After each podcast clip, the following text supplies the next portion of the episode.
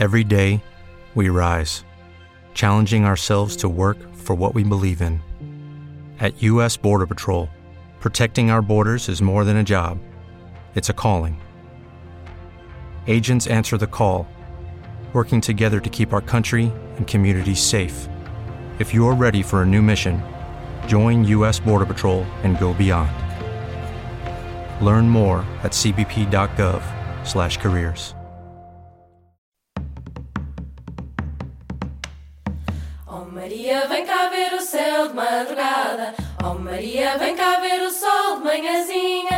Oh Maria, vem cá ver o céu de madrugada. Oh Maria, vem cá ver o sol de manhãzinha. Levamos xa eh, tres xornadas neste SAICOM Portugal o Congreso de Comunicación da Ciencia de Portugal desde Figueira de Castelo Rodrigo e tivemos que facer unha captura dos nosos vindeiros convidados, porque foi o prato forte deste encontro de comunicación da ciencia en Portugal.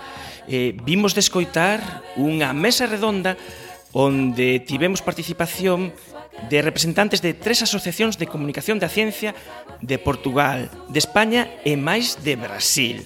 Eh, temos o gusto de, de telos un bocado con nós eh, primeiro a anfitrioa Joana Lobo Antunes. Moi boa noite. Olá, boa noite. Boa noite. Ela é a presidenta da SAICON e anfitrioa deste, deste encontro. Contamos tamén con Antonio Calvo, que é o presidente da Asociación Española de Comunicación Científica. Moi boas noites. Ola, boas noites. E finalmente, Luisa Masarani, do Instituto Nacional de Comunicación de Ciencia e Tecnoloxía do Brasil, alén do Atlántico. Moi boa noite. Boa noite. Boa noite. Estivestes a, a partillar eh, as diferentes necesidades e visión da comunicación da ciencia eh, nos vosos respectivos eh, lugares. E eu atopo que de, ao final de fondo hai moitas coincidencias. Eh, por contar un poquinho así algo de cada un de vós, eh, eh, Luisa, eh, ti coñeces moito a situación do Brasil, pero tamén a situación de toda a Latinoamérica. E, e contabas onte que aínda hai moito espazo, aínda non se chega moita xente. Sim, a, a, a, prática da divulgação científica na América Latina, apesar de ser é, muito mais recente que na Europa, ela começa, tem pelo menos dois séculos de história. Mas ela começa, a, a efervescência mesmo acontece particularmente é, a partir do, da, da, década de 80. Avançamos muito. É, muitas organizações, muitos indivíduos da América Latina fazem divulgação científica. Mas a gente percebe, por um lado, que ainda em situação bastante vulnerável, é, ainda tem muita gente que faz sem receber salário, de uma maneira voluntária, sem ter recursos para fazer as atividades de divulgação científica, é, sem avaliação, sem a gente entender o impacto disso. E, por outro lado, apesar do crescimento, apesar do otimismo, a gente percebe que muita gente está do lado de fora. Né? Então, a gente estima que talvez 90% da população latino-americana não tem acesso às atividades de divulgação científica que a gente tem feito. Enfiando com isto, eh, Antonio contounos hoxe eh, nesta liña de que eh, a cultura é moverse polo mundo de hoxe e non te podes mover polo mundo de hoxe sen a cultura da ciencia. E, e precisamente, e dicías que ademais o xornalismo de ciencia e a comunicación de ciencia é a estrela do xornalismo da comunicación do século XXI. Por que, Antonio?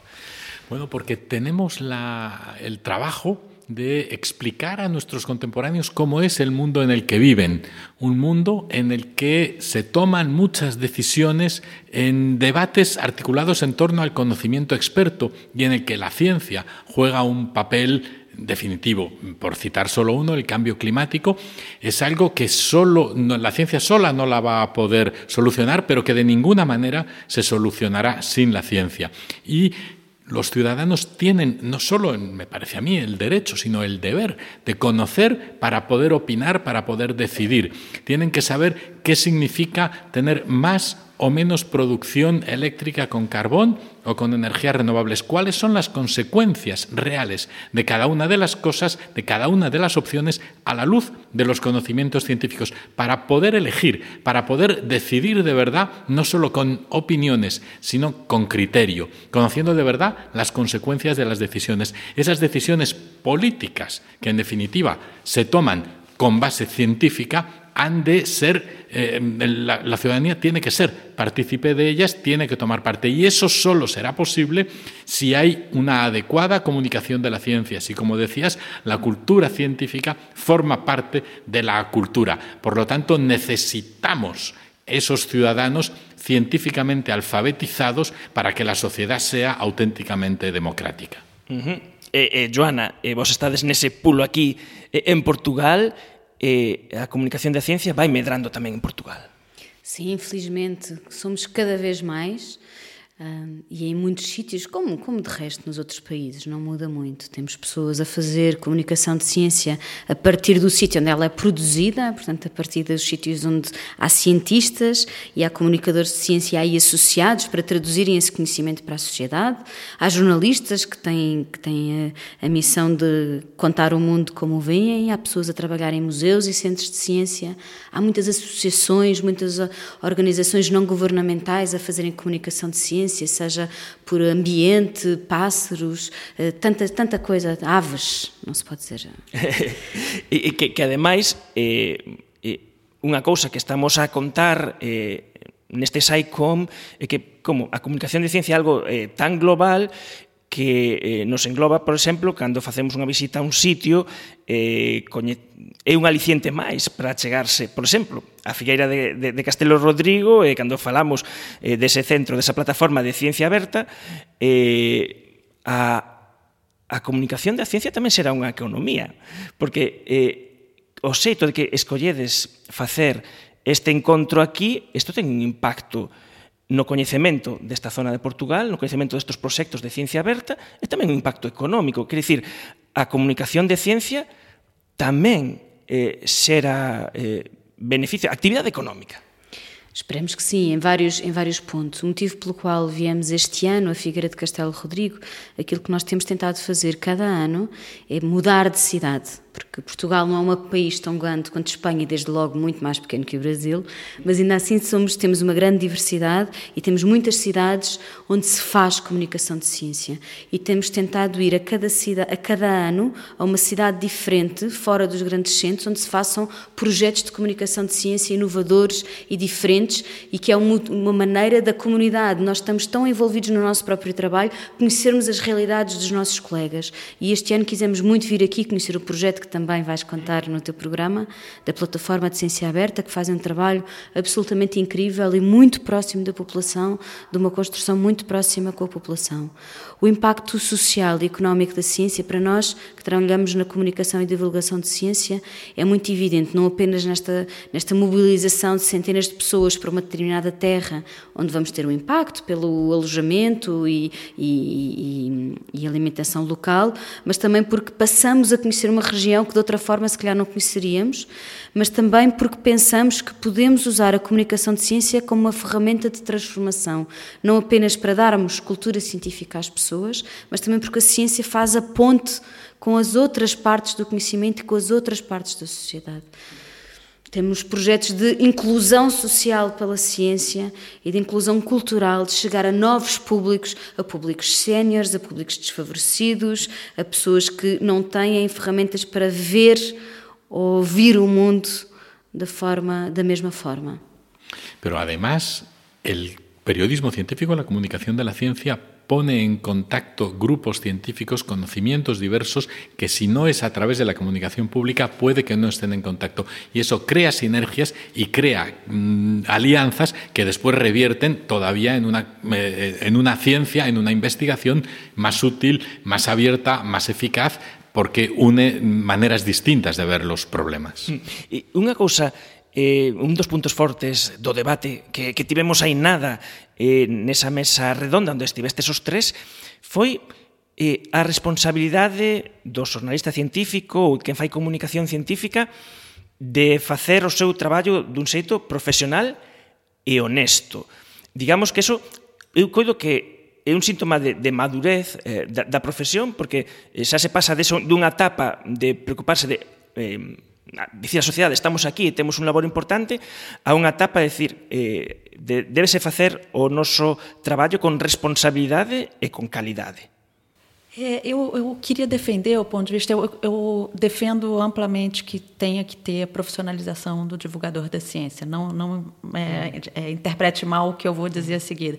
Mas eu acho também que é muito importante na divulgação da ciência ter atores sociais diferentes. Então, por exemplo, o cientista. O cientista que estiver trabalhando, atuando como cientista, como pesquisador, ele tem uma função social como pesquisador, mas ele tem uma, uma responsabilidade social como divulgador divulgador. Então, ele vai fazer uma divulgação científica de uma maneira diferente, com um olhar diferente de um divulgador da ciência profissional.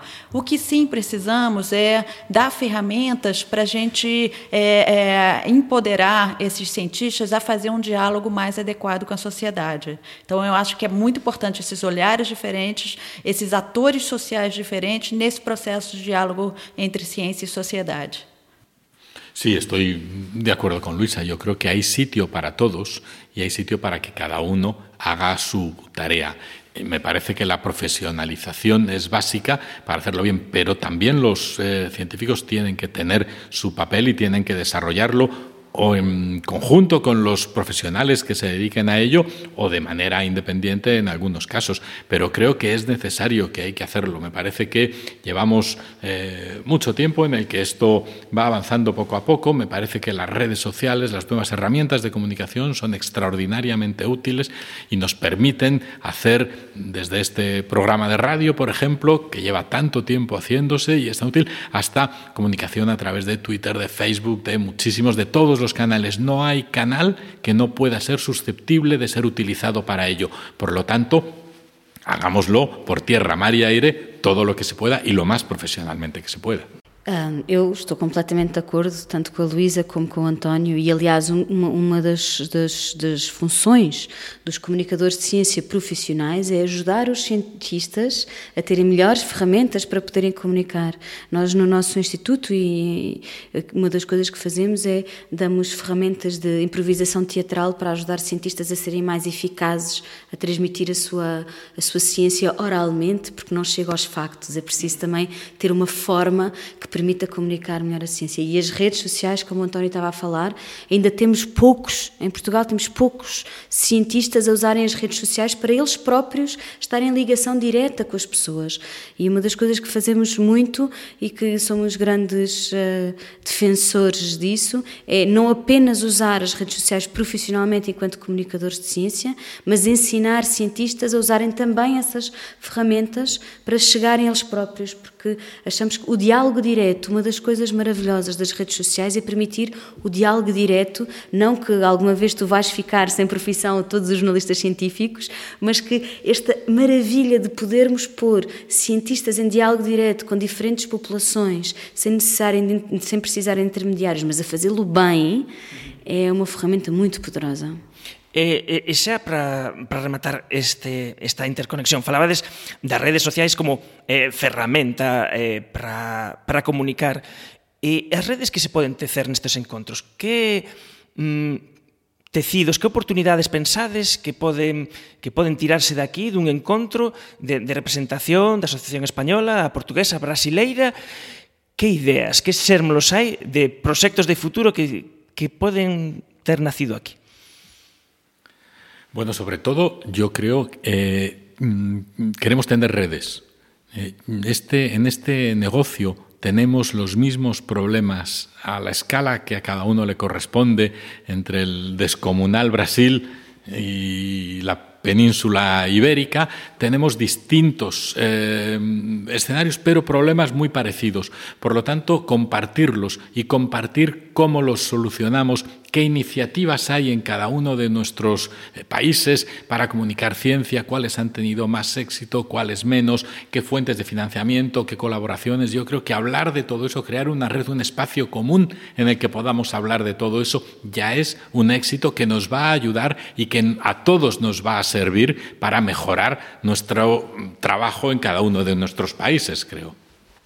Sim, completamente de acordo. Isto foi também um início de conversa e também de envolver toda a comunidade portuguesa nesta conversa e nesta necessidade de rede. E penso que estamos todos de acordo que temos a língua que temos em comum. Em Portugal e Brasil temos a língua em comum, em Espanha a língua é um pouco diferente, como podem notar pela minha maneira de falar, mas tem, partilhamos esta península neste canto da Europa, o que faz com que a nossa cultura tenha coisas muito semelhantes e, portanto, esta, esta semelhança cultural é algo que nós queremos muito aproveitar para aprendermos uns com os outros e vermos de que forma podemos ser melhores juntos.